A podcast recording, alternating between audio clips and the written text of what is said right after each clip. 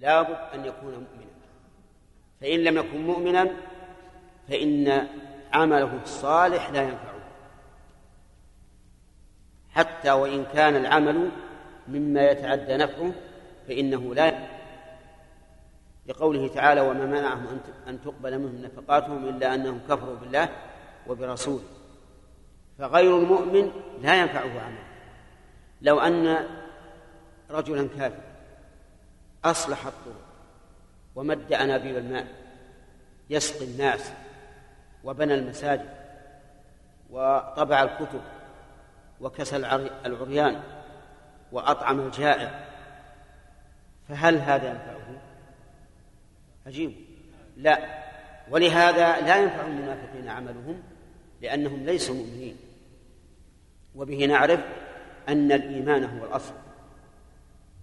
آمن ثم اعمل. أما العمل بدون إيمان نسأل الله أن لا يخلع عنا وعنكم الإيمان. العمل بدون إيمان هباء. وقدمنا إلى ما عملوا من عمل فجعلناه هباء منثورا. لابد من الإيمان أولا ثم إذا آمنت اعمل. وإذا عملت فأخلص واتبع.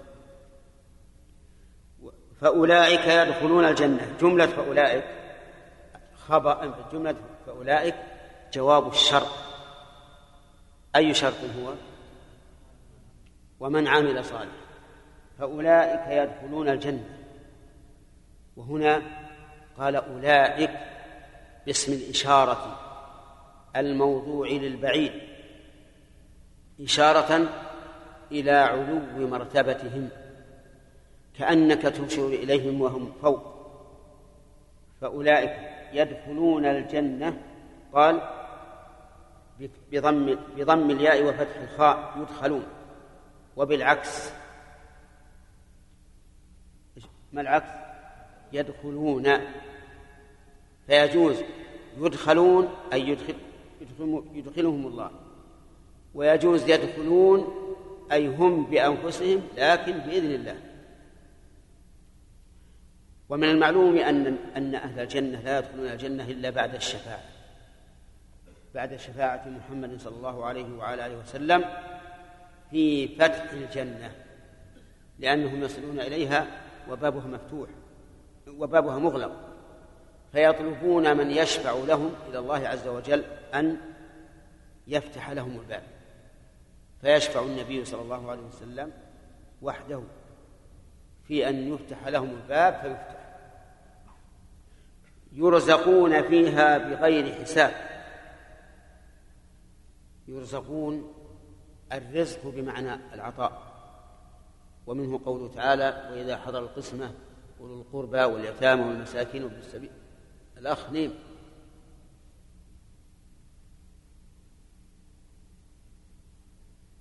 شوف اللي جنبك. شو اسمه؟ لا الثاني. أنت نائم. لا. مغمى عليك.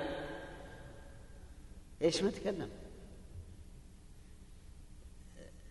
تقدم على الجدار شوي وإن كنت في في نوم عميق فاذهب إلى الماء ورش عليه. طيب الرزق بمعنى العطف ومنه قوله تعالى وإذا حضر القسمة أولو القربى واليتامى والمساكين فارزقوهم منه. أي أعطوهم. فمعنى يرزقون إذن يعطون. وقوله بغير حساب أي بغير تبعة. يعني لا يحاسبون عليه ولا ينقضون له ثمنا. في الدنيا لا تملك رزقا إلا بثمن. لكن في الآخرة تعطى الرزق بغير ثمن وبغير تبعة. لا تحاسب عليه. لماذا؟ لأن الثمن كان مقدما. ثمن هذا الرزق كان مقدما. سلم. تعرفون السلم؟ نقد الثمن وتأخير المثمن. فهنا الثمن مقدم. الثمن كان في الدنيا. حين عملوا بطاعة الله فكان هذا هو العوض. فالقوم قد أسلموا في هذا المبيع وقدموا ثمنه ولهذا قال يرزقون فيها بغير حساب. في هاتين الآيتين نعم نعم في هذه في هذه الآيات الثلاث فوائد. أولا تلطف هذا الداعي هذا الرجل المؤمن الذي يدعو إلى الله بقوله يا قومي فإن هذا لا شك من أساليب التلطف. ومن فوائد هذه الآية وهي الآية الأولى قوة جأش هذا المؤمن. حيث كان رجلا واحدا يقول لهؤلاء الجماعة اتبعوني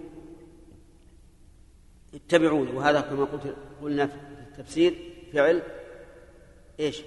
فعل أمر ومن فوائد هذه الآية أنه ينبغي للداعية إذا دعا إلى شيء أن يبين ما يكون به الترغيب أي ترغيب المدعو حتى ينشط ويفعل لقوله أهدكم سبيل الرشاد. ومن فوائد هذه الآية الكريمة الإشارة إلى كذب فرعون. حين قال لقومه ما أريكم إلا ما أرى وما أهديكم إلا سبيل الرشاد. ففرق بين قول فرعون وبين قول هذا المؤمن. قول فرعون كذب وقول هذا الرجل حق لا شك. ومن فوائد هذه الآية الكريمة أن السبل تختلف سبل ضلال وسبل غي سبل رشاد. فالسبيل الموصل إلى الله هذا سبيل الرشاد. والسبل المتفرقة هذه سبيل سبل ضلال. قال الله تعالى وأن هذا صراط مستقيما فاتبعوه ولا تتبعوا السبل فتفرق بكم عن سبيله ومن فوائد هذه الآية الكريمة بيان حال حال الدنيا وأنها متاع يتمتع بها الإنسان ثم تزول أو يزول. نعم ثم تزول.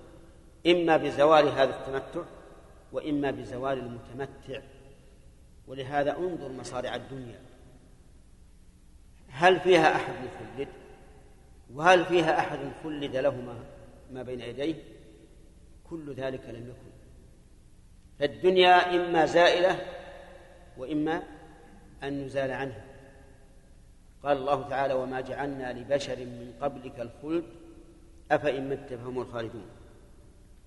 ومن فوائد هذه الآية الكريمة انحصار الدنيا في هذه الكلمة القليلة وهي متاع. كل الدنيا متاع لا تتحمل أكثر من ذلك. ومن فوائد هذه الآية الكريمة الاستعداد والرغبة في الآخرة بقوله وإن الآخرة هي دار القرار فإذا اجتمع هذا إلى ما قبله صار متضمنا لفائدتين وهي وهما الزهد في الدنيا والرغبة في الآخرة. ثم قال من عمل سيئة إلى آخر فيها من الفوائد أن عمل السيئة لا يزداد إثما على قدر السيئة. لقوله تعالى من لقوله هنا من ومن من عمل سيئة فلا يجزى إلا مثلها ومن فوائد الآية أنه في مقام التهديد ينبغي أن يبدأ بما يدل على التهديد قبل أن نبدأ بما يدل على الترغيب. لأنه هنا بدأ بإيش؟ بالسيئة. ثم عاقب بالصالح. وانظر إلى قول الله تبارك وتعالى في مقام ذكر الأحكام الشرعية قال اعلموا أن الله شديد العقاب وأن الله هو الغفور الرحيم. ولما أراد جل وعلا أن يتحدث عن نفسه ويبين كمال صفاته قال نبئ عبادي أني أنا الغفور الرحيم وأن عذابي هو العذاب الأليم. فلكل مقام مقال. فالإنسان ينبغي له أن يرتب المعاني المعاني حسب ما يقتضيه حسب ما تقتضيه الحال. لا يلقي الحديث على عواهنه وفضل الله يؤتيه من يشاء. قد يريد الإنسان هذا الشيء ويريد أن يرتب كلامه وأن يبنيه على ما تقتضيه الحال. ولكن يخونه التعبير. إلا أن الإنسان إذا استعان بالله سبحانه وتعالى واعتمد عليه يسر الله له الأمر. ومن فوائد هذه الآية الكريمة أنه لا يقبل العمل إلا إذا كان صالحا ولا ينفع صاحبه إلا إذا كان صالحا. طيب وذكرنا أن الصالح ما اجتمع فيه شروط القبول وهما الإخلاص والعمل الصالح. طيب بفقد نعم الإخلاص والمتابعة. بفقد الإخلاص يكون الإنسان مشركا. وبفقد المتابعة يكون الإنسان مبتدعا. ولهذا لا يقبل العمل إلا الخالص الموافق للشرع. ففي فقد الإخلاص يقع الإنسان في الشرك وفي فقد وبفقد المتابعة يقع الإنسان في البدعة. أيهما أشد؟ الأول وقد يكون الثاني حسب يعني حسب المخالفة. لكن الشرك من حيث هو أعظم من من البدعة. وقيل إن البدعة أشد وأعظم. لأن لأن الله قال قل إنما حرم ربي الفواحش ما ظهر منها وما بطن والإثم والبغي بغير الحق وأن تقولوا وأن تشركوا بالله ما لم ينزل به سلطانا وأن تقولوا على الله ما لا تعلمون. والآية بالتدريج من الأدنى إلى الأعلى. وصاحب البدعة يضر نفسه ويضر غيره لأنه يكون إماما يدعو إلى المخالفة إلى مخالفة الرسل. والذي يظهر أن الشرك من حيث هو شرك أعظم. لكن قد يكون المترتب على البدعة أشد من المترتب على الشرك.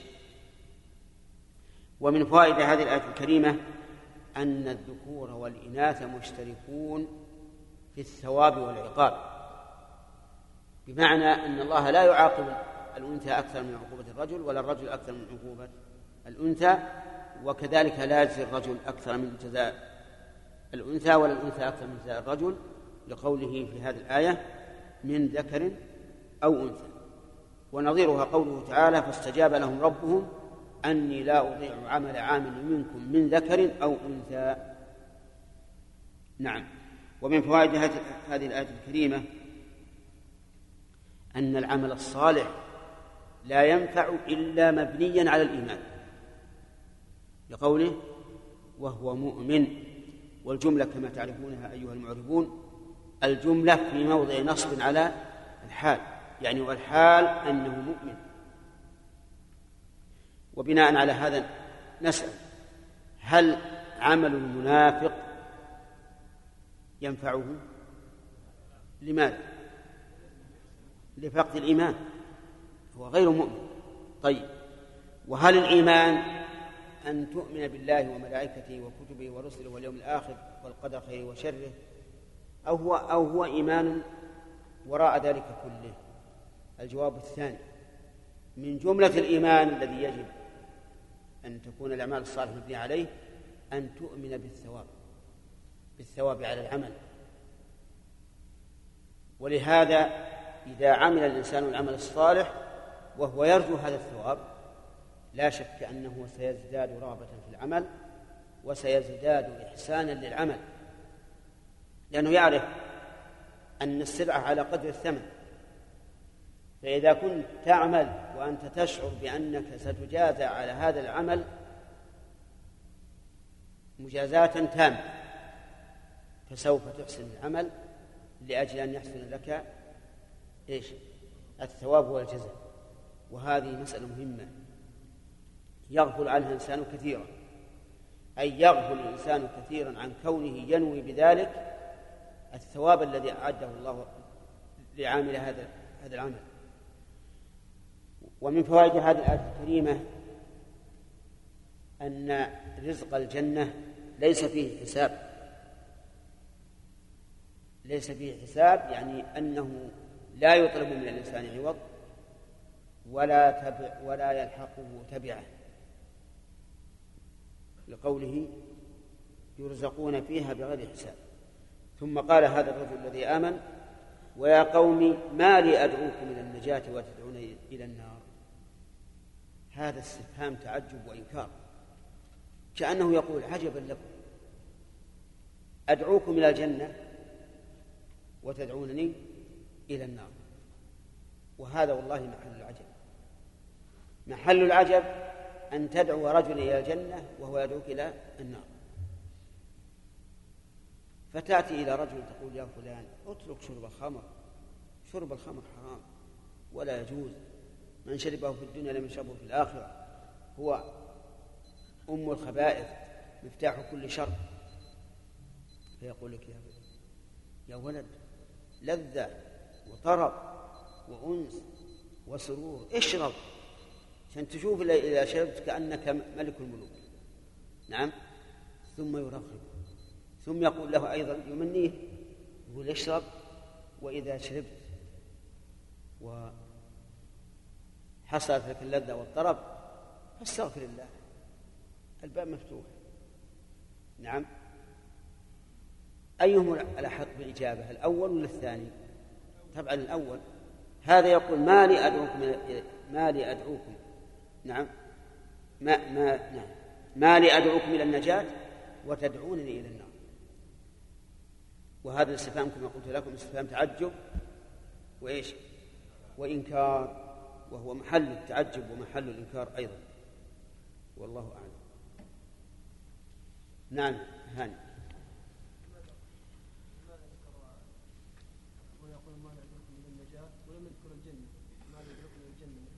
إي نعم. إحنا ما ما شرحناها الآن زي تونا بادين فيها. نعم.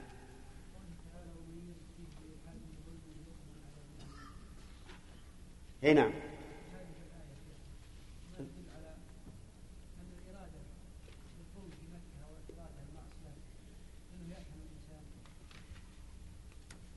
نعم.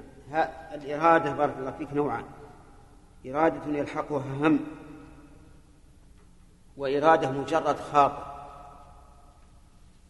فهذه الثانية لا لا يأثم بها الإنسان لا في مكة ولا في غيرها والثاني إرادة يلحقها هم هذه يأثم بها الإنسان. نعم عذاب أليم لأن, لأن الحرم ليس كغيره. فإذا كان الهم بالسيئة بالإلحاد المقرون بالظلم يذقه الله من عذاب أليم فما بالك بالفعل؟ يكون أشد. نعم. الله تعالى في سورة إبراهيم إلى صراط العزيز الحميد. سبب إلى صراط العزيز الحميد الله. هذه على أنها عطف بيان. أما العزيز الحميد من هو العزيز الحميد؟ الله. فبين قول الله بالكسر بيان للعزيز الحميد. ينبغي شيء لو قلنا صفة. ها؟ شيء لو قلنا صفة.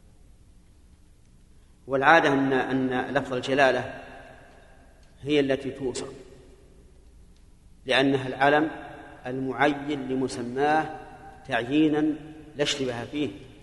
ولهذا قال النحويون إنه هو أعرف المعارف وأنه أعرف حتى من الضمير.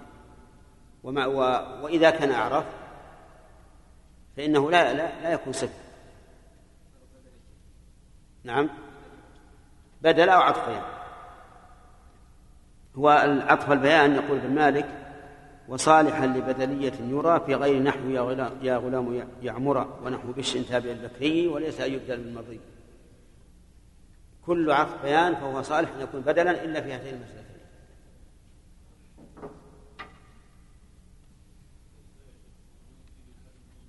إيش؟ نعم ها؟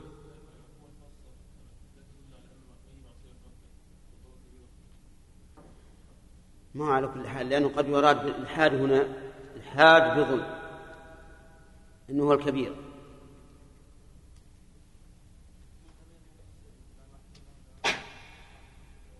ها؟ له ضمير الفصل أما الضمائر المنفصلة الأخرى فالأصل أنها لا. الأصل أنها لها محل من الإعراب. علي إيش؟ نعم. نعم.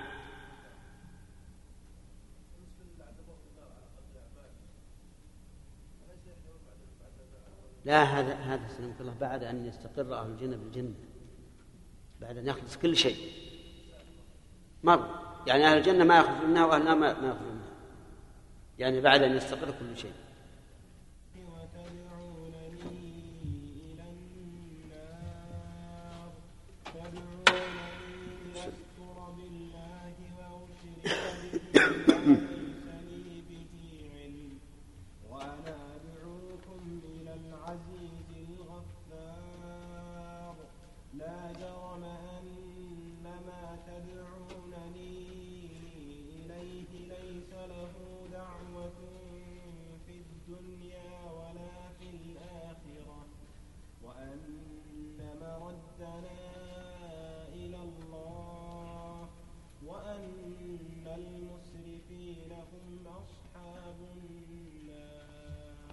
أعوذ بالله من الشيطان الرجيم. قال الله تبارك وتعالى وقال الذي آمن. أظن ويا قوم مالي. و ويا قوم مالي أدعوكم إلى النجاة وتدعونني إلى النار. سبق الكلام على هذه الجملة. وبينا أن الاستفهام فيها ليش؟ للتعجب والإنكار.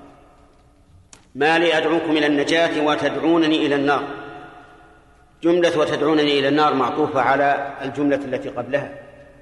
وليست استئنافية ولا حالية كما قيل به بل هي معطوفة على ما سبق لأن التعجب إنما يكون من اجتماع الأمرين أنه يدعوهم إلى النجاة وهم يدعونه إلى النار.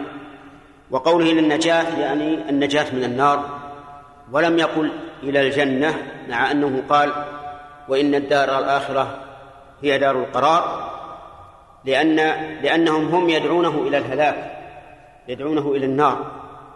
فقابل دعوته بدعوتهم فكأنه يقول أنا أدعوكم إلى النجاة من النار وأنتم تدعونني إلى النار. والدعوة إلى النار ليس أن يقول القائل هلموا إلى النار أيها الناس. لكنها الدعوة إلى عمل عمل أهل النار.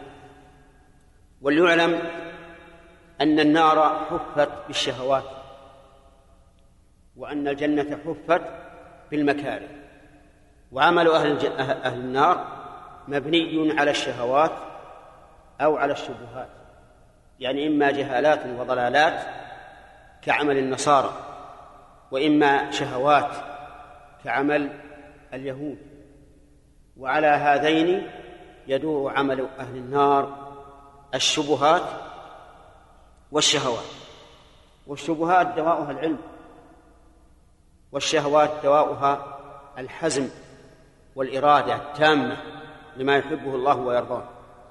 ما لي أدعوكم إلى النجاة وتدعون إلى النار. ثم بين بعد أن أجمل في قوله وتدعونني إلى النار بين الأعمال التي يدعونه إليها فقال تدعونني لأكفر بالله وأشرك به ما ليس لي به علم وأنا أدعوكم إلى العزيز الغفار. تدعونني لأكفر. اللام هنا لبيان ما يدعى إليه لبيان المدعى إليه أو المدعو إليه. يعني تدعونني لهذا. وعلى هذا فأكفر منصوبة بأن مضمرة بعد اللام على مذهب البصريين أو باللام على مذهب الكوفيين. لأكفر بالله أي أجحده وأنكره. والمراد إنكار وحدانيته بدليل قوله وأشرك به. وقد يقال إن المراد إنكار وجوده بالكلية أو الإشراك به مع الإقرار به. فيكون فيكونون يدعونه إلى شيئين إما إنكار الخالق عز وجل وهذا مستفاد من قوله لأكفر به أي أجحده أو إثباته مع وجود شريك له وهذا مستفاد من قوله وأشرك به. وقوله ما ليس لي به علم هذا قيد مبين للواقع وأن كل من أشرك بالله فإنه مشرك بلا علم بل بما يعلم بالفطرة خلافه. ولكن من المعلوم أن الشيء إذا كان بلا علم فإنه لا ثبوت له ولا أصل له. فالصفة بل فالصلة في قوله ما ليس لي به علم لبيان الواقع. وقد بينا أن كل قيد لبيان الواقع أو الغالب أو المبالغة فإنه لا مفهوم له. وأشرك به ما ليس لي به علم وأنا أدعوكم إلى العزيز الغفار. بدأ هنا باسم العزيز لأن المقام يقتضيه إذ أن هؤلاء أقباط من آل فرعون يظنون أن العزة لهم فقال أدعوكم إلى العزيز ولم يقل إلى غفور رحيم بل قال إلى العزيز الغفار يعني العزيز الغالب فيهلككم إذا أنتم أشركتم به أو كفرتم به. الغفار يغفر لكم ما سبق إن أنتم آمنتم به. وهذا من تمام فقه هذا الرجل المؤمن. فإنه قد يقول قائل إن المقام يقتضي وأنا أدعوكم إلى الغفور الرحيم. لكنه الأمر بالعكس المقام يقتضي ذكر اسمه العزيز لأن هؤلاء يدعون أنهم فوق الناس وأن ربهم فرعون وأنه لا غالب لهم.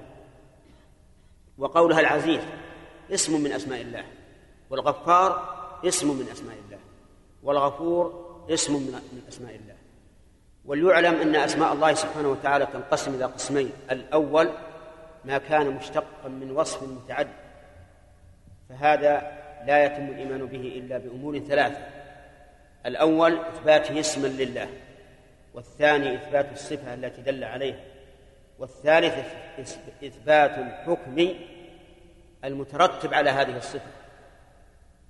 وإذا كان والقسم الثاني غير متعد لا يتم الإيمان به إلا بإثبات اسمي إلا بإثبات اثنين إثباته اسم من أسماء الله وإثبات الصفة التي دل عليها أعود مرة ثانية.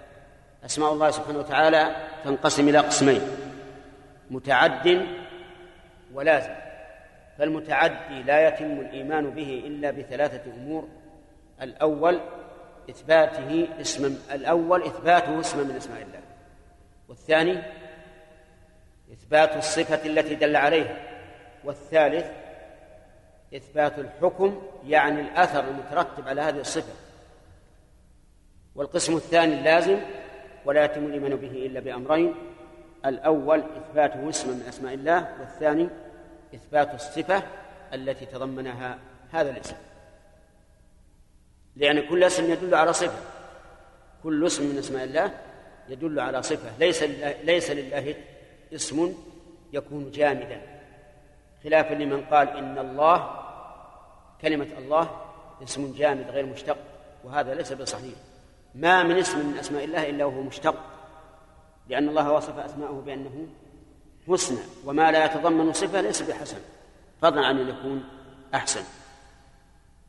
نضرب أمثلة لهذا. الحي من أي القسمين من اللازم تؤمن به اسم من أسماء الله وبالحياة الدالة التي دل عليها الاسم. السميع. متعدد. تؤمن بالسميع اسما لله وبالسمع صفة لله وبأنه يسمع إثباتا للحكم وهو الأثر المترتب على هذه الصفة.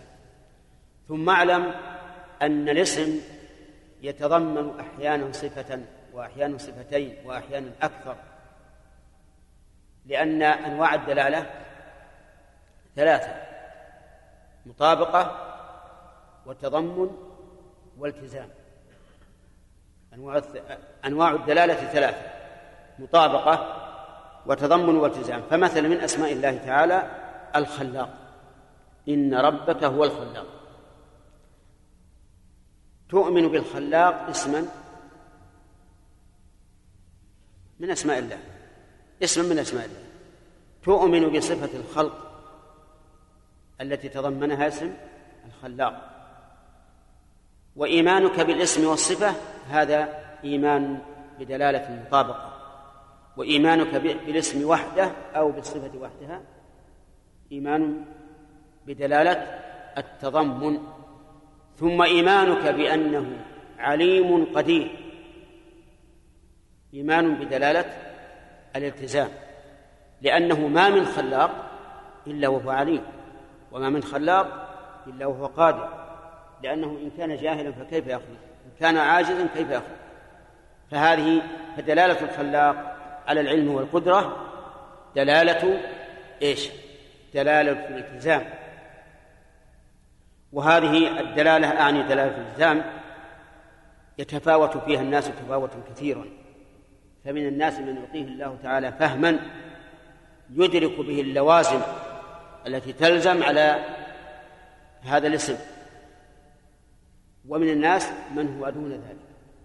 فتجد بعض الناس يستنبط فوائد عدة بدلالة اللزوم وآخر لا يقدر وفضل الله تعالى يؤتيه من يشاء.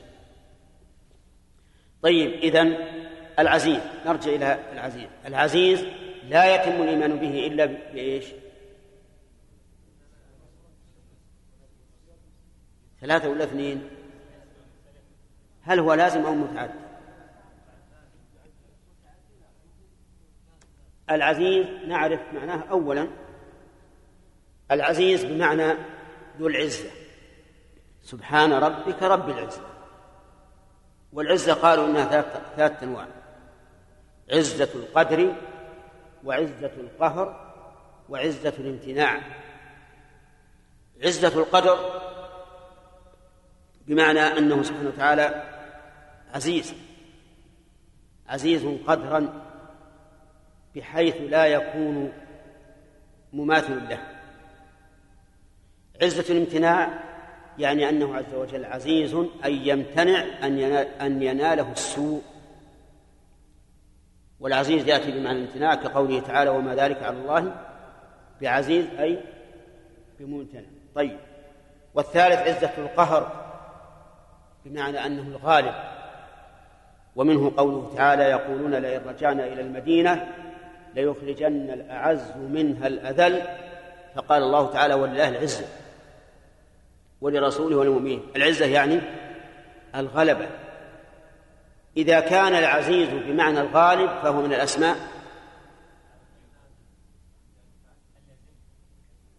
اللهم المستعان.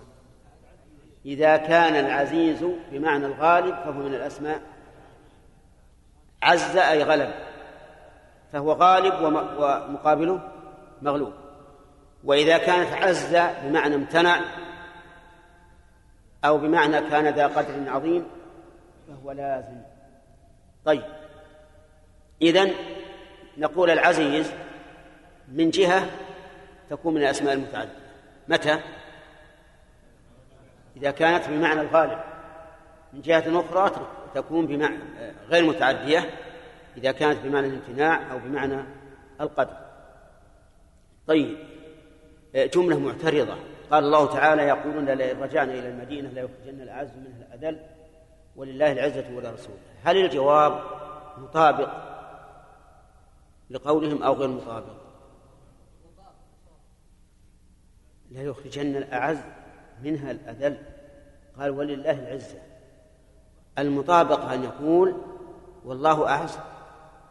والله أعز والمؤمنون لكن لم يذكر هذا بل قال ولله عزة إشارة إلى أن المنافقين لا عزة لهم أصلا. لأنه لو قال الله أعز لأثبت للمنافقين عزة ولكنه ليس لهم عزة. حصر العزة بالله ورسوله والمؤمنين.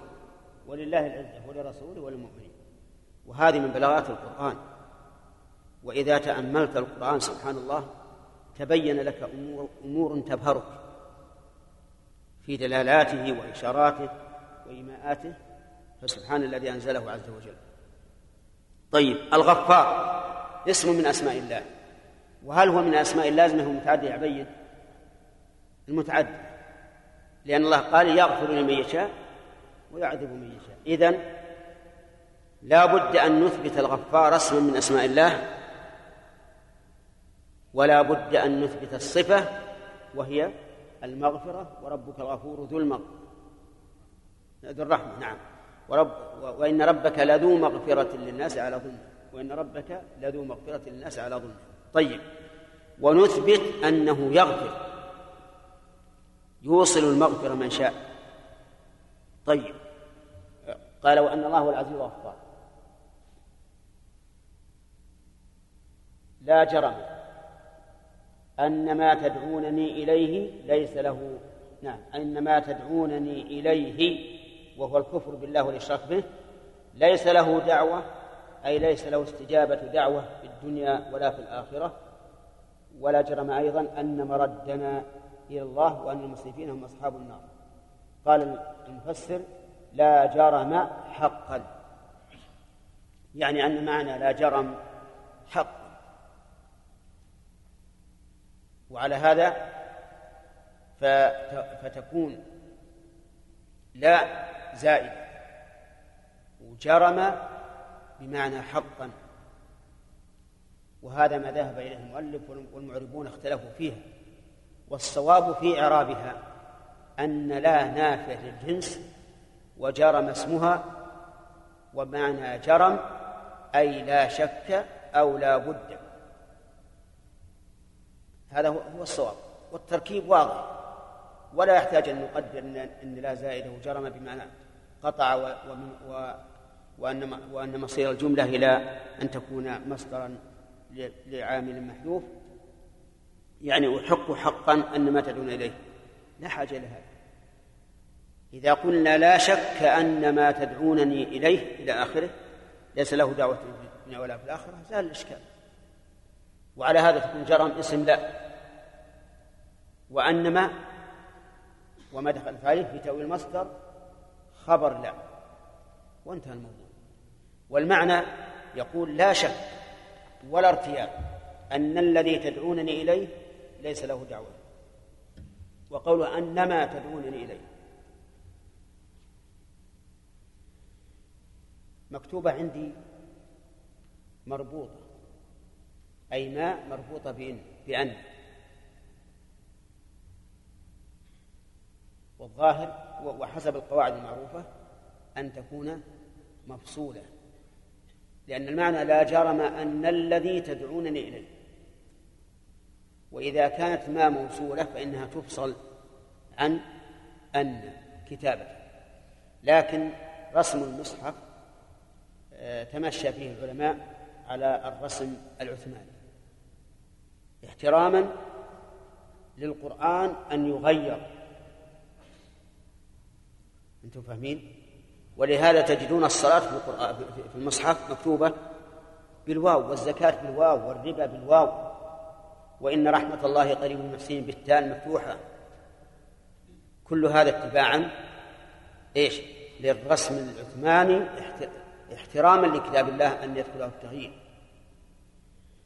وقد اختلف العلماء هل يكتب القرآن حسب القواعد وفي كل وقت بحسبه أو على الرسم العثماني فقيل إنه يجوز أن يكتب على القواعد في كل وقت بحسبه لأن المقصود أن يتلى كتاب الله على حسب ما نزل لا على حسب ما كتب.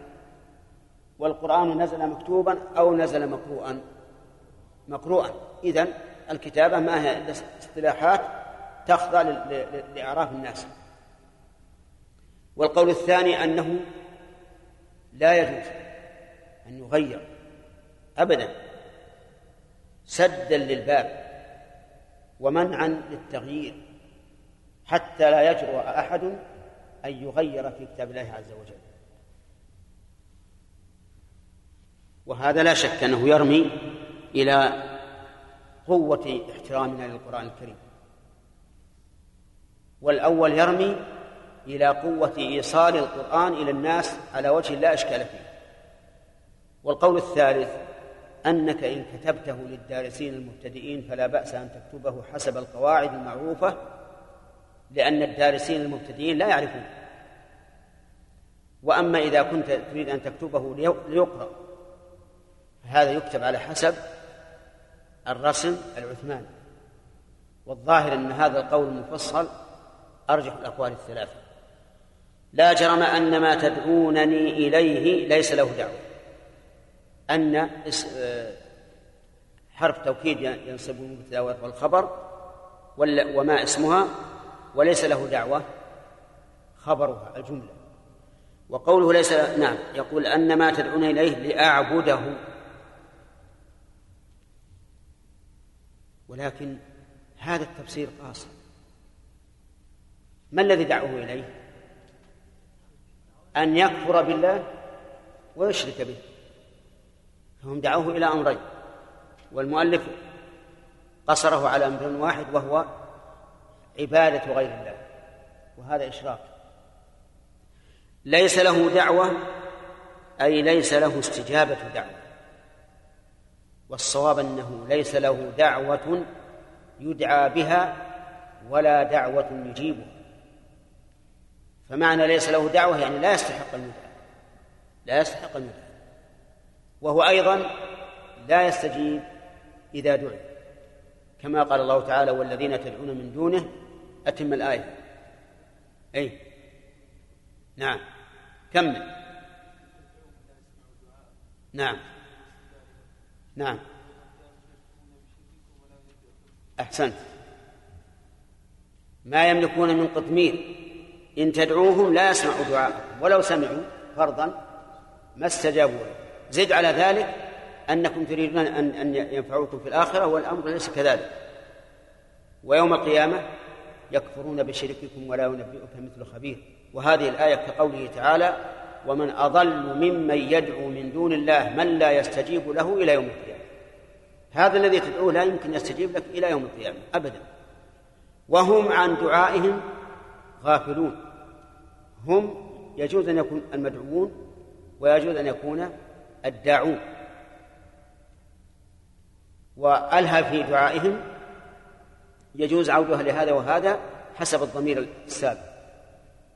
وإذا حشر الناس وهو موضع وهو الوقت الذي يريد هؤلاء الداعون أن ينتفعوا بالمدعوين إذا حشر الناس كانوا لهم أعداء وكانوا بعبادتهم كافرين لأن الله يقول إذ تبرأ الذين اتبعوا من الذين اتبعوا ورأوا العذاب وتقطعت بهم الأسباب أي المودة والمحبة التي كانوا يضمرونها لهم في الدنيا.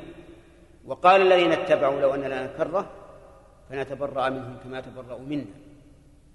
طيب على كل حال آه ليس له دعوة. المؤلف يقول ليس له دعوة مستجابة يعني لا يستجيب الدعوة. والصواب أن لها معنيين لا يستجيب ولا يستحق فهو لا يستحق أن يدعى ولو دعي لم يستجب. ليس له دعوة في الدنيا ولا في الآخرة. نعم لا يستطيع هذا لا في الدنيا ولا في الآخرة. فالأصنام لا تنفع عابديها لا في الدنيا ولا في الآخرة. قال وأن مردنا إلى الله ذكرهم بالحساب. رحمه الله وجزاه خيرا. وأن مردنا أي مرجعنا إلى الله عز وجل. في الدنيا والآخرة ولا في الدنيا فقط؟ ولا في الآخرة فقط؟ في الدنيا والآخرة. فإن تنازعتم في شيء فردوه إلى من؟ إلى الله والرسول. فالمرد هو الله في الدنيا وفي الآخرة. وأن المسرفين هم أصحاب النار. يعني ولا جرم أيضا أن المسرفين هم أصحاب النار. فهذه ثلاث أشياء كلها جزم بها جزما. أولا أن ما تدعون إليه ليس له دعوة في الدنيا ولا في الآخرة. والثاني أن مردنا إلى الله. والثالث أن المسرفين هم أصحاب النار. المسرف اسم فاعل من الإسراف وهو تجاوز الحد. وهو تجاوز الحد. ويكون كفرا ويكون دون الكفر. فالإنسان الذي يملأ بطنه من الطعام والشراب مسرف. لكنه كافر. ليس بكافر. لأن الله قال كلوا واشربوا ولا تسرفوا وكذلك الإسراف في اللباس وغيره لا يؤدي إلى الكفر. لكن الإسراف في عبادة الله بأن تتجاوز عبادة الله إلى عبادة غيره هذا هو الكفر وهذا هو مراد هذا الرجل المؤمن وأن المسرفين هم أصحاب النار هم ضمير هم ضمير فصل. وقد سبق لنا يا آدم أن ضمير الفصل كمل. كمل من حيث الإعراب. لا محل له من إعراب. فلا يؤثر فيما قبله ولا يؤثر ولا يؤثر فيه ما قبله. طيب هذه واحد. وسبق لنا أن أن لضمير الفصل فوائد. نعم. التوكيد والحصر وتمييز الخبر عن الصفة. وضربنا لذلك مثلا لا حاجة إلى الإعادة نعود الآن إلى الفوائد. من فوائد هذه الآيات آه إنكار هذا الرجل المؤمن على قومه بما يشهد العقل بصحته حيث قال ويا قوم ما لي أدعوكم إلى النجاة وتدعونني إلى النار. وإذا كان العقل يدل عليه على صحته فهو محل عجب. كل إنسان عاقل يعجب أن يكون هذا الشيء. رجل يدعو قومه إلى النجاة ورجل يدعوهم إلى النار. ومن فوائد الآية الكريمة مراعاة الحال في الخطاب. من فوائد الآية الكريمة مراعاة الحال في الخطاب. وجهه أنه قال إلى النجاة مع أنه يدعوهم إلى الجنة لكن لما كانت دعوتهم إياه إلى الهلاك. آثر أن يقول إيش؟ إلى النجاة. طيب سؤال هل يلزم من النجاة من النار دخول الجنة؟ شو يقول حمد؟ هل يلزم من النجاة من النار دخول الجنة؟ يلزم. كيف اللزوم إذا وقع الإنسان عذاب النار فمن اللازم أن يدخل الجنة وجه اللزوم. لو قال واحد ينجو من النار ويقعد محل ثاني. محل ثاني. وين الله قال أين قاله الله؟ أين آية واحدة هذا. لكن هذا أنجاه الله من النار وتركه في محل آخر.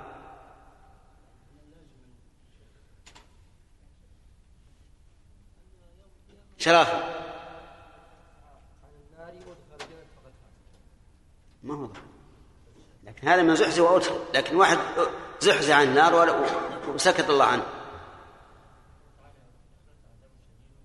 ما هو بدليل الدليل أنه لا ليس في الآخرة إلا إلا داران إما هذا أو هذا. نعم. ولذلك ولذلك كان أصحاب الأعراف الذين يبقون بين الجنة والنار مآلهم إلى الجنة.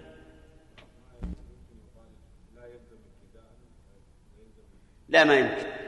يمكن قصدنا مآل مآلا طيب ومن فوائد هذه الآية الكريمة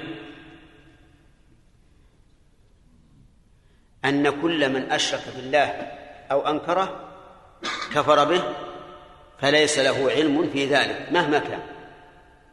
تؤخذ من يا عبد الله.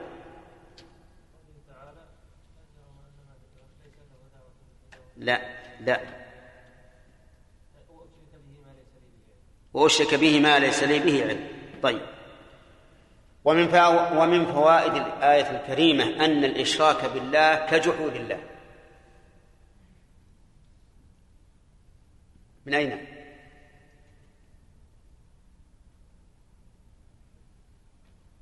عبيد ها؟ نعم. أي نعم ويدل لذلك أيضا قوله تعالى في الحديث القدسي أنا أغنى الشركاء عن الشرك من عمل عمل أشرك به معي غيري تركته وشرك طيب. ومن فوائد الآية الكريمة آه، تذكيره أي تذكير هذا الرجل المؤمن هؤلاء بعزة الله ومغفرته ترغيبا وترهيبا لقوله وأنا أدعوكم إلى العزيز الغفار. في أي الكلمتين يكون الترهيب؟ في قوله العزيز والترغيب في قوله الغفار والله أعلم. نعم.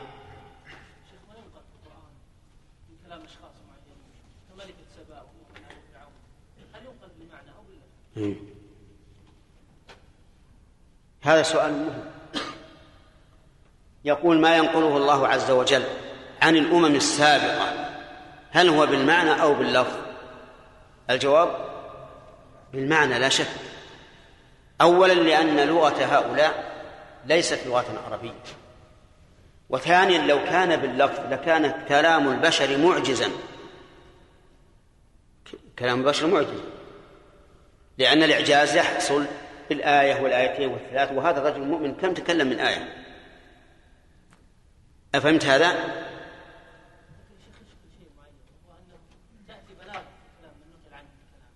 إذا لأن الله هو الذي صاغه بنفسه فنقله بالمعنى.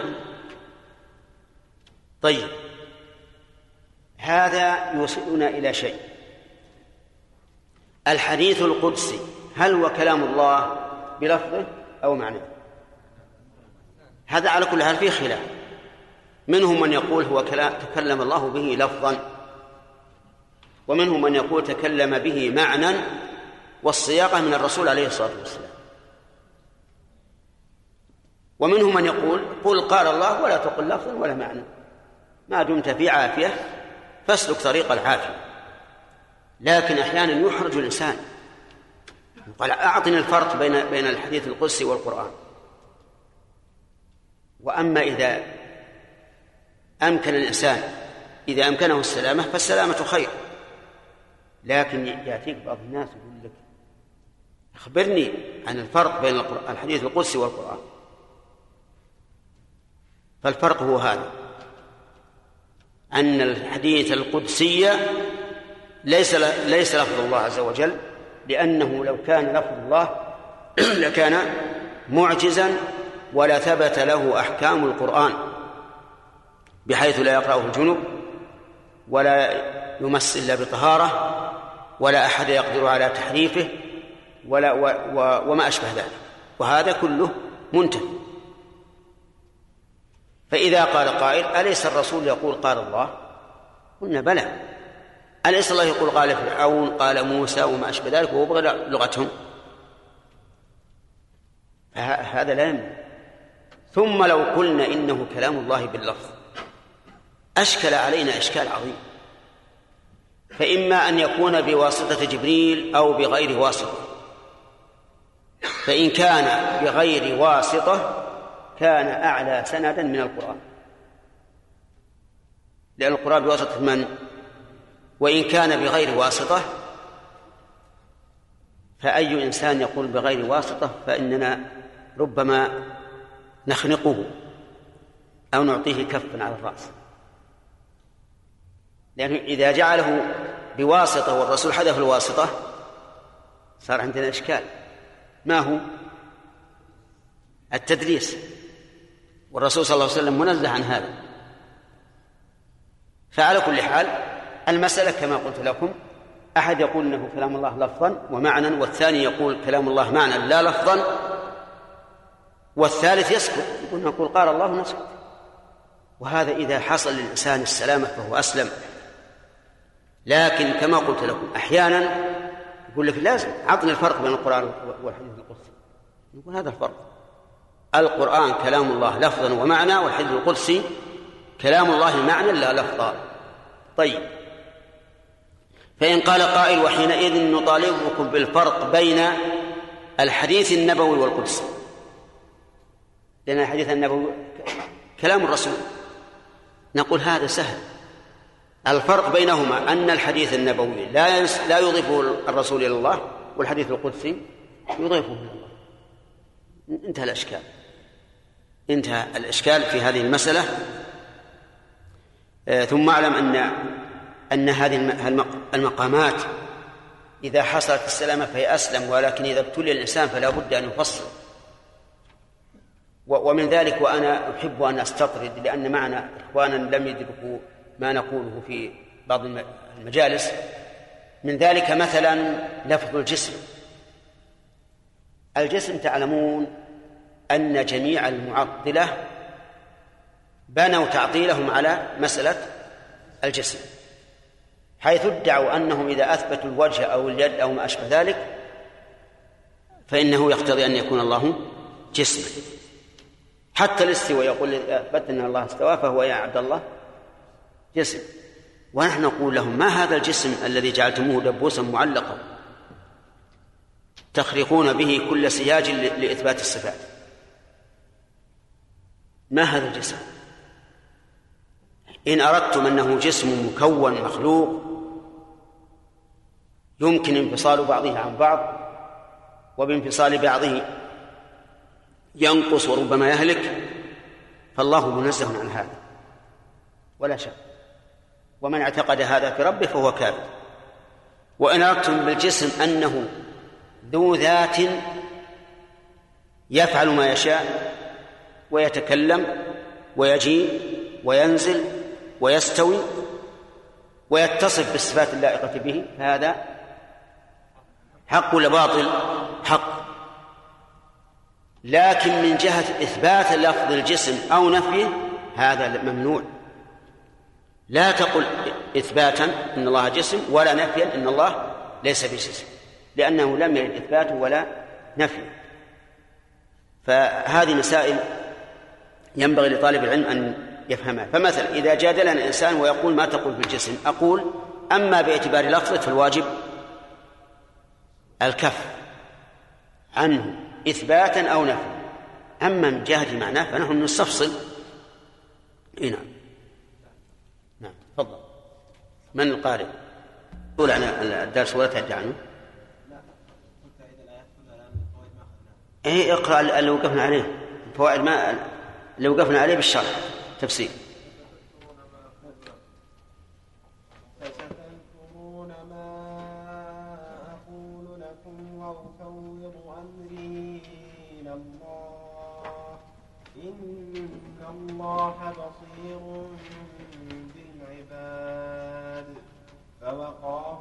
الله سيئات ما مكروا وحاق بآل فرعون سوء العذاب.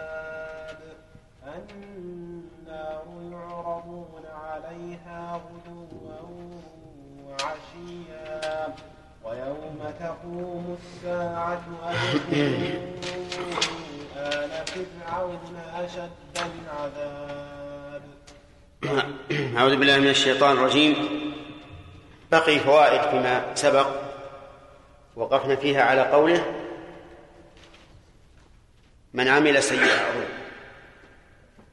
قبله بعده. لا جرم أن إلى آخره. من فوائد هذه الآية الكريمة أن كل ما يدعى من أن كل ما يدعى من دون الله فليس له دعوة استحقاقا ولا استجابة.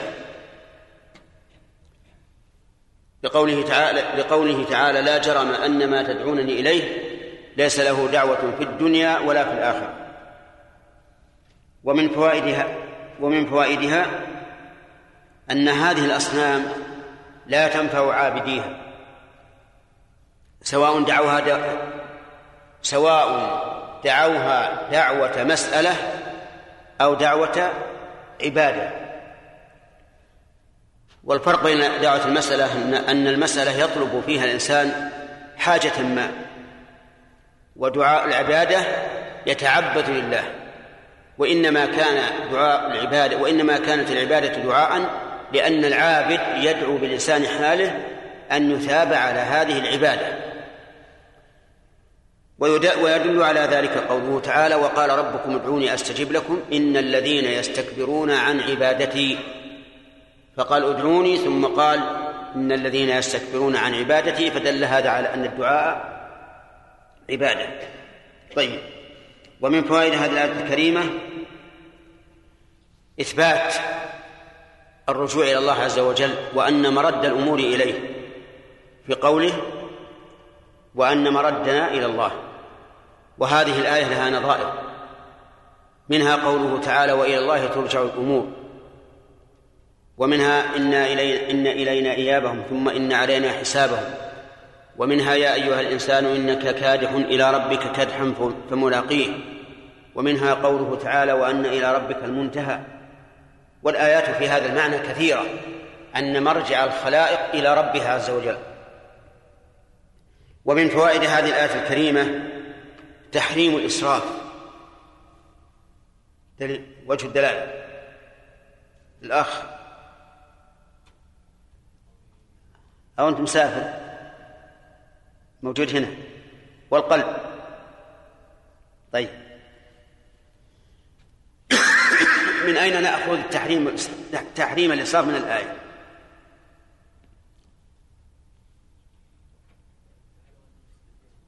نعم. وأن المسرفين هم أصحاب النار. ومن فوائد الآية الكريمة أن الإسراف قد يصل إلى حد الكفر.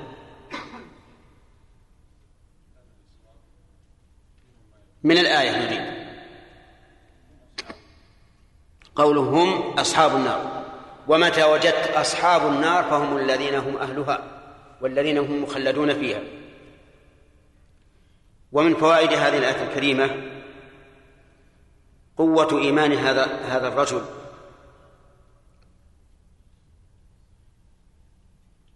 من أين تؤخذ يا حمد؟ قوة إيمانه.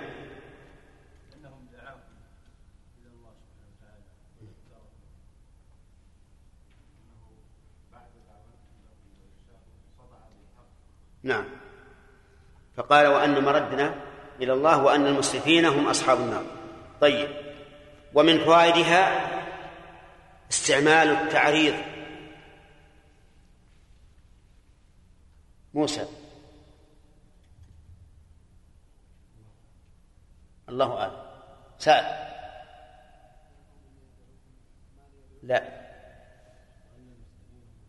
كيف ذلك؟ إيه؟ أحسنت. لأنه لا شك أنه أول ما يدخل في هذه الجملة هؤلاء.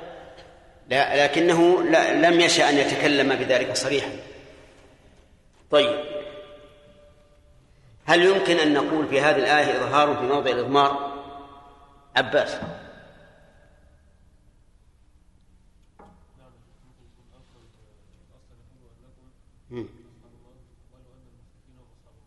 طيب. ممكن أن نقول وممكن أن نقول هذا تورية. وعلى كل حال فالإظهار في موضع الأضمار من أساليب اللغة العربية وهو كثير في القرآن. وله فوائد. منها إرادة العموم. يعني ليعم الحكم. من كن من استعمل في حقه ومن لم يستعمل. ومنها بيان العله تعليل. لأن لأنه إذا جاء الوصف معلقا عليه معلقا عليه حكم من الأحكام دل ذلك على علية هذا الوصف. ومنها التسجيل على هؤلاء الذين كان مقتضى السياق أن يذكر أن يذكروا بالضمير بما يقتضيه هذا الوصف. فهذه ثلاث فوائد. إرادة إرادة التعميم الحكم على هؤلاء نعم. بيان العلة الحكم على هؤلاء بأنهم من مستحقون لهذا الوصف. طيب. ثم قال الله تبارك وتعالى في بقية كلام هذا الرجل المؤمن فستذكرون ما أقول لكم. السين وسوف كلاهما يختصان بالفعل المضارع ومن علاماته.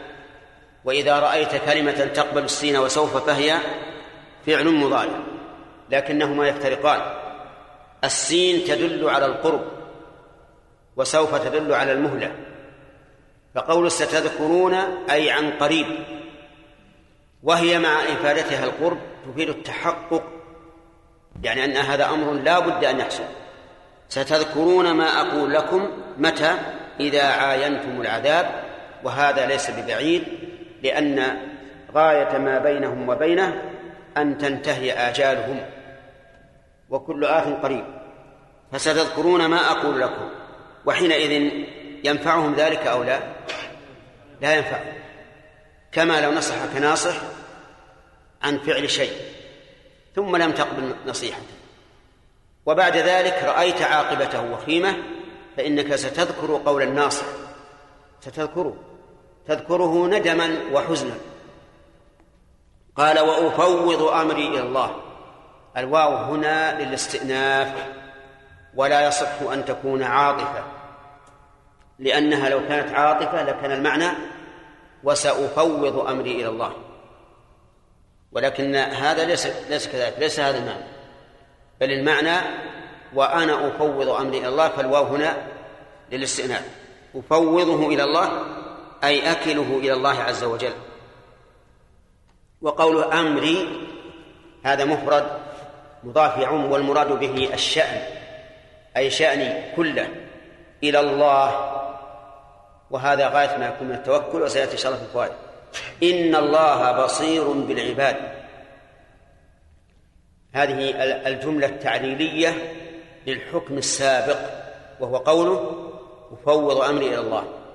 كأن قائلا يقول لماذا فوض أمره إلى الله؟ فأجاب بأنه بأن الله تعالى بصير بالعباد.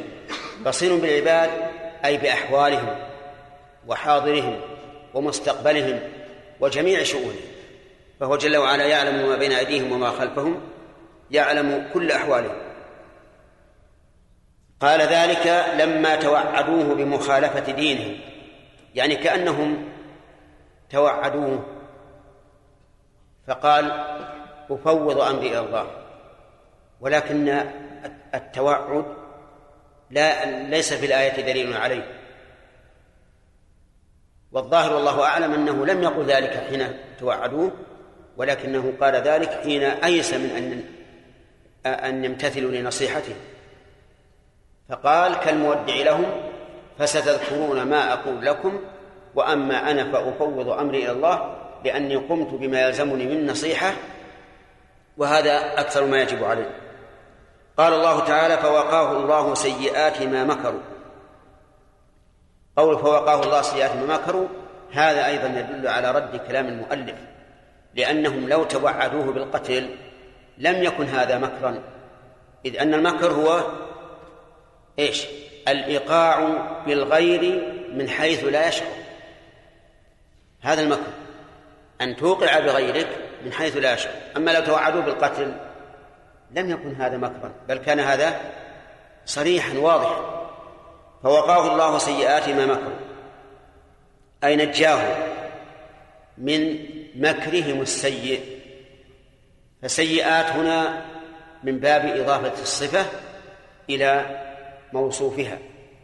أي المكر السيء. وقد قال الله تعالى ولا يحيق, ولا يحيق المكر السيء إلا بأهله. وقوله ما مكروا المكر والخداع والغدر وما أشبه ذلك كلها ألفاظ متقاربة. كلها ألفاظ متقاربة تدور حول شيء واحد وهي أن توقع بغيرك ما من حيث لا يشعر. كيد والمكر والخداع والغدر والمحال وما أشبهها كل هذه ألفاظ متقاربة. ما مكروا قال به من القتل. بين في هذا أن أن عائد أن أن العائد على الصلة في قوله ما محذوف والتقدير ما مكروا به. قال وحاق نزل بآل فرعون قومه معه سوء العذاب الغرق. حاق بمعنى نزل لكن تشعر بأنها ليست بمعنى نزل من كل وجه وأن تفسيرها بالنزول تفسير تقريبي. حاق القاف قريبة من الطاء فكأن المعنى حاط بهم وهذا أشد من نزل. الظاهر أن حاق بمعنى نزل محيطا بهم وليست بمعنى نزل على وجه مجرد بدون إضافة معنى. وقول بآل فرعون قال المؤلف قومه وقال غيره أتباعه والظاهر أن المعنى متقارب لأن الذين اتبعوه إنما, إنما هم قومه وأما بنو إسرائيل فإنهم لم يتبعوه. بل كان يذبح أبناءهم ويستحيي نساءهم. بآل فرعون. وقوله معه ذكرها لئلا يظن الظان أن العذاب نزل بآل فرعون دونه. ولكن هذا لا يمكن أبدا. إذا كان آل فرعون إنما نزل ب... ب... ب... إذا كان آل فرعون إنما نزل بهم العذاب لأنهم كفروا بالله ففرعون أكفر أكفر بالله. من هؤلاء. ثم إن الظاهر إذا قيل لك أكرم إن أن ثم إن الظاهر أن الإنسان إذا قال أكرم آل فلان فإن فلانا هو مقدمه. ولا, ولا بد أن يدخل فيهم لغة. وقول سوء العذاب هذا أيضا من باب إضافة الصفة إلى موصوفها أي المعنى العذاب السيء. وفسره المؤلف بأنه الغرق. وهذا لا شك أنه من سوء العذاب. لكن هناك عذابات أخرى أصيب بها آل فرعون. ولقد أخذنا آل فرعون بالسنين. ونقص من الثمرات لعلهم يذكرون. وقال تعالى فأرسلنا عليهم الطوفان والجراد والقمل والضفادع والدم. كل هذا من سوء العذاب. الطوفان ليغرق ما ما بذر من من نباته. والقمل لأجل أن يفسد ما ما ظهر. والضفادع لتفسد الماء لأنهم صاروا كلما أخذوا إناء يشربونه وجدوا هذه الضفادع قد ملأت. والدم هو نزيف الدم. إما من الأنف أو من غيره. فصار فعوقبوا من كل وجه. بالزروع غرق. ما ادخروه قمل. الماء ضفادع بعد أن يصل إلى الجسم ويتغذى به الجسم يخرج هذا. ينزف دما. فهلكوا. وهذا فيه ترتيب. وفيه ترتيب ودرجات. وش قلنا؟ الطوفان غرق الزروع الجراد أكل ما ظهر. إحنا أسقطناها ما ما رددتم عليه.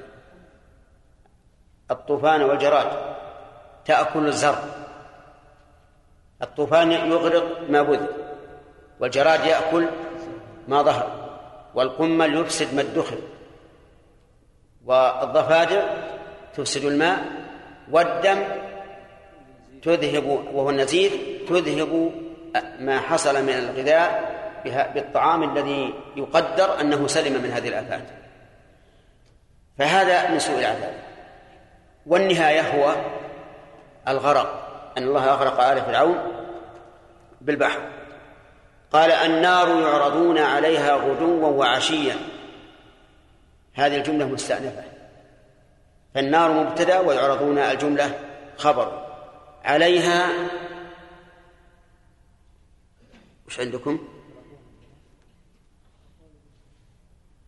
ما أدري. يعرضون عليها غدوا وعشيا. ليس معنى يعرضون عليها غدوا وعشيا أنه تحرقه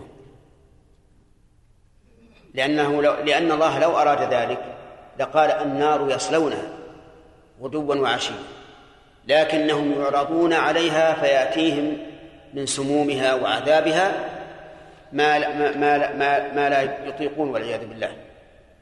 يعرضون عليها غدوا في الصباح وعشيا في المساء. والظاهر أن المراد الدوام ويحتمل أن المراد هذين ألو... أن المراد هذان الوقتان فقط.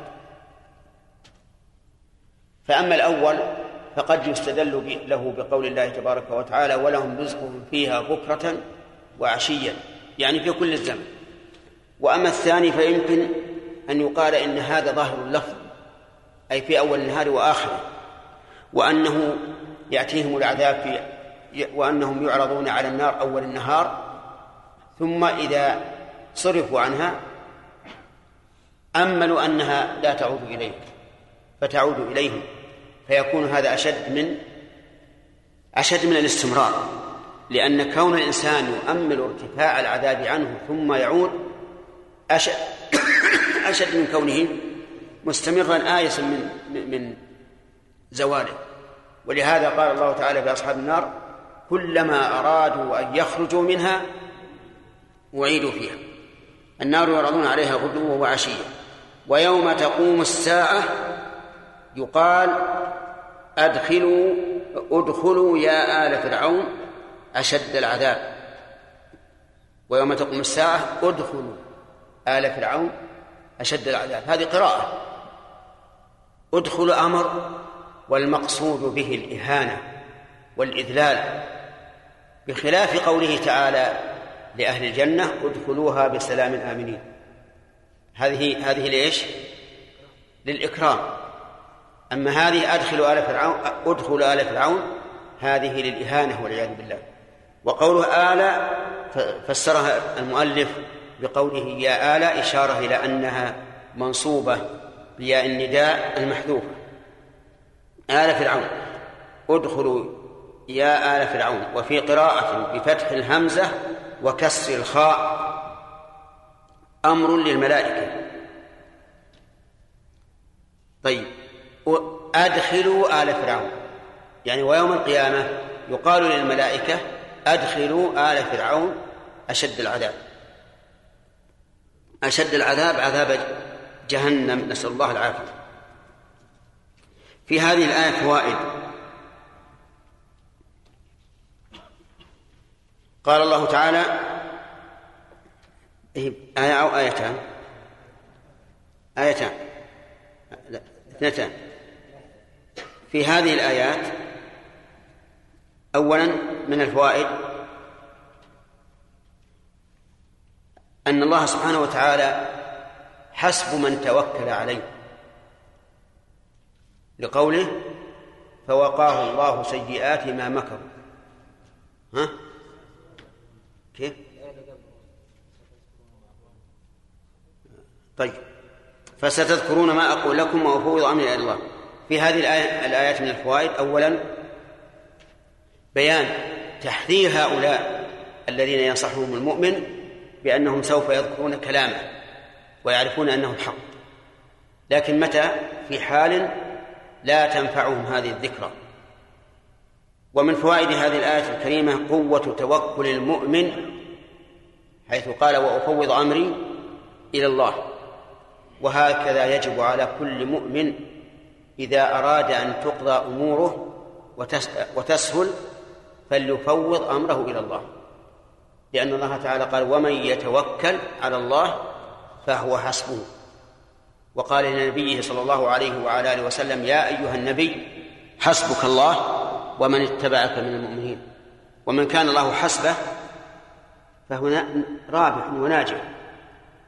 ومن فوائد هذه الآية الكريمة إثبات علم الله سبحانه وتعالى بكل العباد لقوله إن الله بصير بالعباد وهذا كما قلت لكم تفسير يشمل الأحوال والأعيان.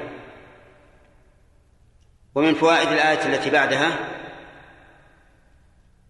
أن الله سبحانه وتعالى يكفي من توكل عليه فيحميه من عدوه بقول الله تعالى فوقاه الله سيئات ما مكروا. ومن فوائد الآية الكريمة التحذير من أعداء المسلمين لقوله ما مكروا وأن أعداء المسلمين قد لا يواجهونهم بالعداوة ولكنهم يمكرون بهم فليحذر المؤمن مكر أعداء الله. وهذا في القرآن كثير قال الله تعالى لنبيه صلى الله عليه وسلم وإذ يمكر بك الذين كفروا ليثبتوك أو يقتلوك أو يخرجوك ويمكرون ويمكر الله والله خير الماكرين وقال تعالى إنهم يكيدون كيدا وأكيد كيدا. فمهل الكافرين أمهلهم رويدا. ومن مكر أعداء أعداء الله أنهم لا يجابهون المسلمين بالعداوة لكنهم يغزونهم من حيث لا يشعرون بالأفكار المنحرفة والأخلاق السيئة كما تشاهدون الآن وتسمعون ما يفعل أعداء أعداء المسلمين بالمسلمين. يجرون إليهم الأخلاق السافلة من وسائل الإعلام المرئية والمقروءة والمسموعة. يوفدون إليهم كل ما يخالف دين الإسلام في الملابس وغير الملابس. يغرونهم بالأموال الطائلة لإذهاب أوقاتهم سدى بلا فائدة. كمسألة الرياضة وما أشبهها. فالمهم أن أن أعداء المسلمين يمكرون بهم مكرا عظيما والمسلمون لا لا إما أنهم لا يهتمون بهذا المكر أو أنهم لا يعرفونه. ولكن على كل حال الواجب الواجب علينا أن نحذر. ومن فوائد الآية الكريمة أن أن الله تعالى يجازي المحسن بإحسانه ويجازي المسيء بإساءته وتكون إجازة المسيء بإساءته تكون في الحقيقة مجازاة للمحسن لأن أخذ أعدائك بالعذاب هو في الحقيقة انتصار لك وأنت تفرح بذلك. تؤخذ من قوله فوقاه الله سيئات ما مكروا وحاق بآل فرعون سوء العذاب. فبين الله تعالى جزاء هذا وجزاء هؤلاء. ومن فوائد الآية الكريمة إثبات عذاب القبر. لقوله النار يعرضون عليها غدوا وعشيا. وعذاب القبر ثابت بالقرآن والسنة والإجماع. عذاب القبر ثابت بالقرآن والسنة والإجماع. أما القرآن ففي مثل هذه الآية النار يعرضون عليها غدوا وعشيا ثم قال ويوم تقوم الساعة ادخل. لأن قوله يوم ظرف زمان متعلق بما بعده. المتعلق بالفعل أدخلوا أو ادخلوا. وهذا إذن لا يكون إلا بعد يوم القيامة. وما وعرضهم على النار غدو وعشية يكون قبل يوم القيامة. طيب. ففيه إثبات عذاب القبر. قلت لكم أنه ثابت بالقرآن والسنة والإجماع. أما القرآن في مثل هذا. ومنه أي من أدلة القرآن قول الله تبارك وتعالى ولو ترى إذ الظالمون لا.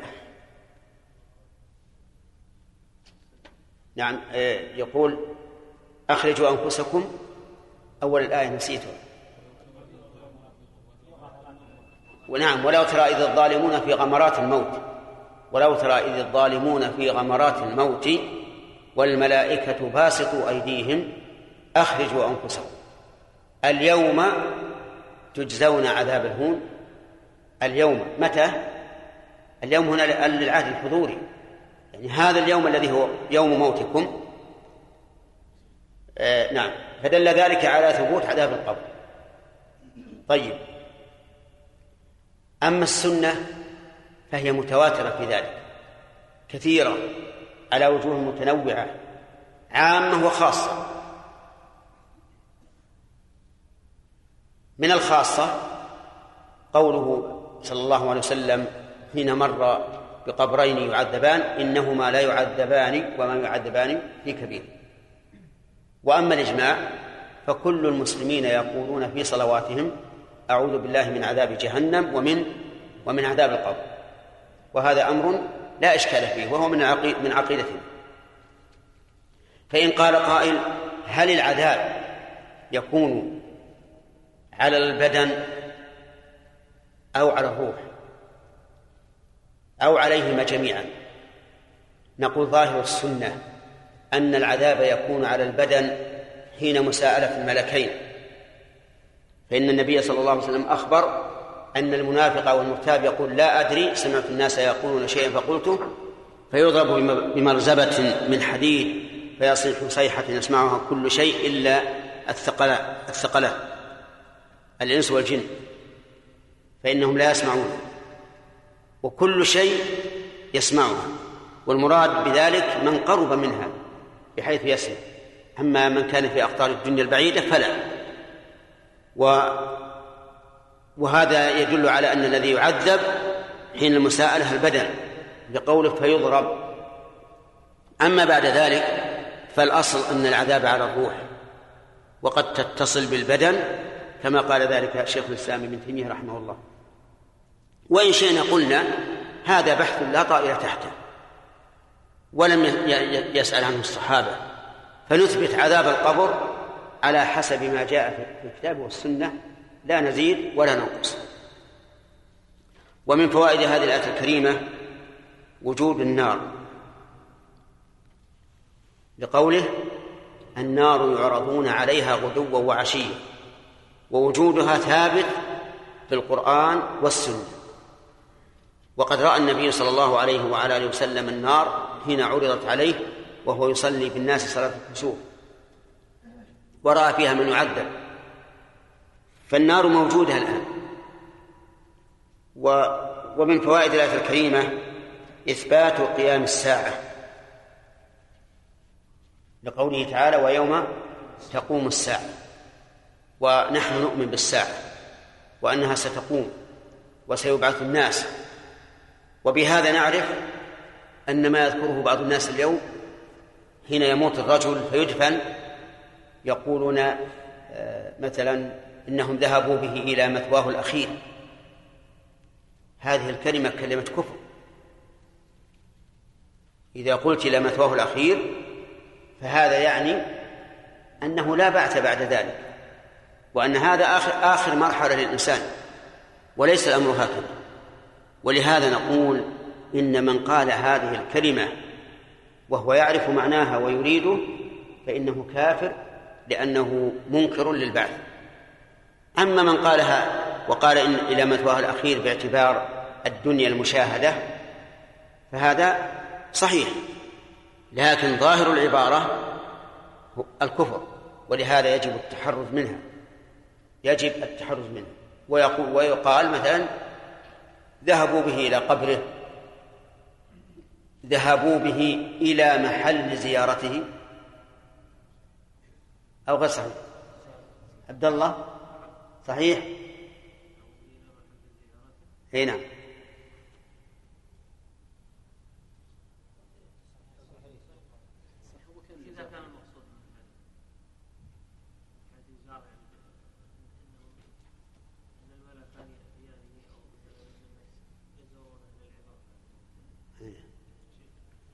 الواقع أن القبر زيارة.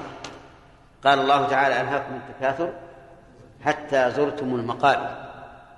ولما سمع أعرابي رجلا يقرأها قال والله إن الزائر ليس بمستقر.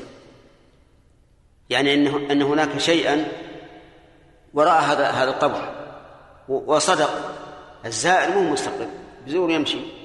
طيب. ومن فوائد الآية الكريمة إهانة الكفار إهانة بدنية وإهانة قلبية. من أين تؤخذ؟ من قول من توبيخهم وإهانتهم. أدخلوا آل فرعون. ولا شك أن قلوبهم تتأثر في هذا. وستجد الحص والندامة والعياذ بالله. ومن فوائد الآية الكريمة التنكيت على آل فرعون.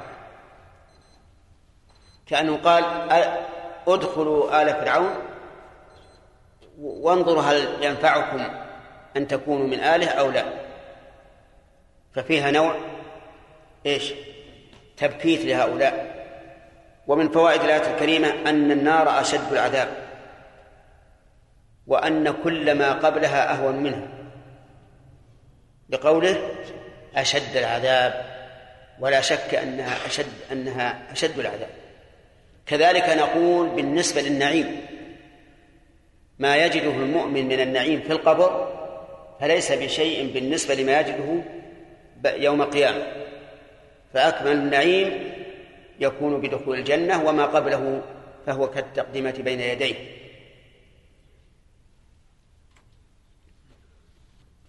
نعم.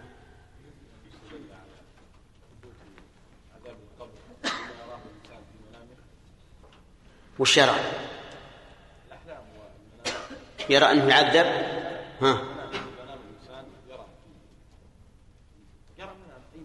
لا ما يستدل لا لا يستدل لكن يستدل به على على دفع دعوى أهل الإلحاد حيث قالوا إنكم تقولون إن الميت يقعد في قبره ويعذب ونحن نحفر القبر ونجد أن الميت باق على ما هو عليه. فنرد عليهم بأن هذا النائم يرى أنه معذب وأنه منعم وأنه ذهب وأنه جاء وهو إيش؟ على فراشه لم يتغير. حتى اللحاف ما سقط عن ظهره. فنقول قس الغائب بالحاضر. ثم لو ثم لو كان عذاب القبر يدرك بالاطلاع عليه لم يكن إيمانا بالغيب. لكان إيمانا بالشهادة. والإيمان بالشهادة لا ينفع. يعني الإنسان إذا عاين إذا عاين الشيء فإن إيمانه به لا ينفع.